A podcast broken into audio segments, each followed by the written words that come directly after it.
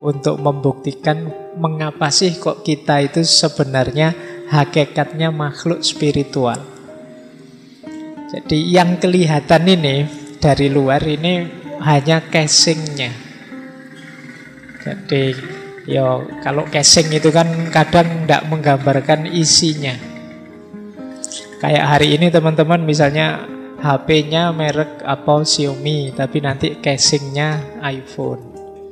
Nah, kan banyak saya kemarin lihat ada casing yang unik gitu ya. Jadi itu dibuka casingnya, oh ternyata bukan iPhone, ternyata Xiaomi.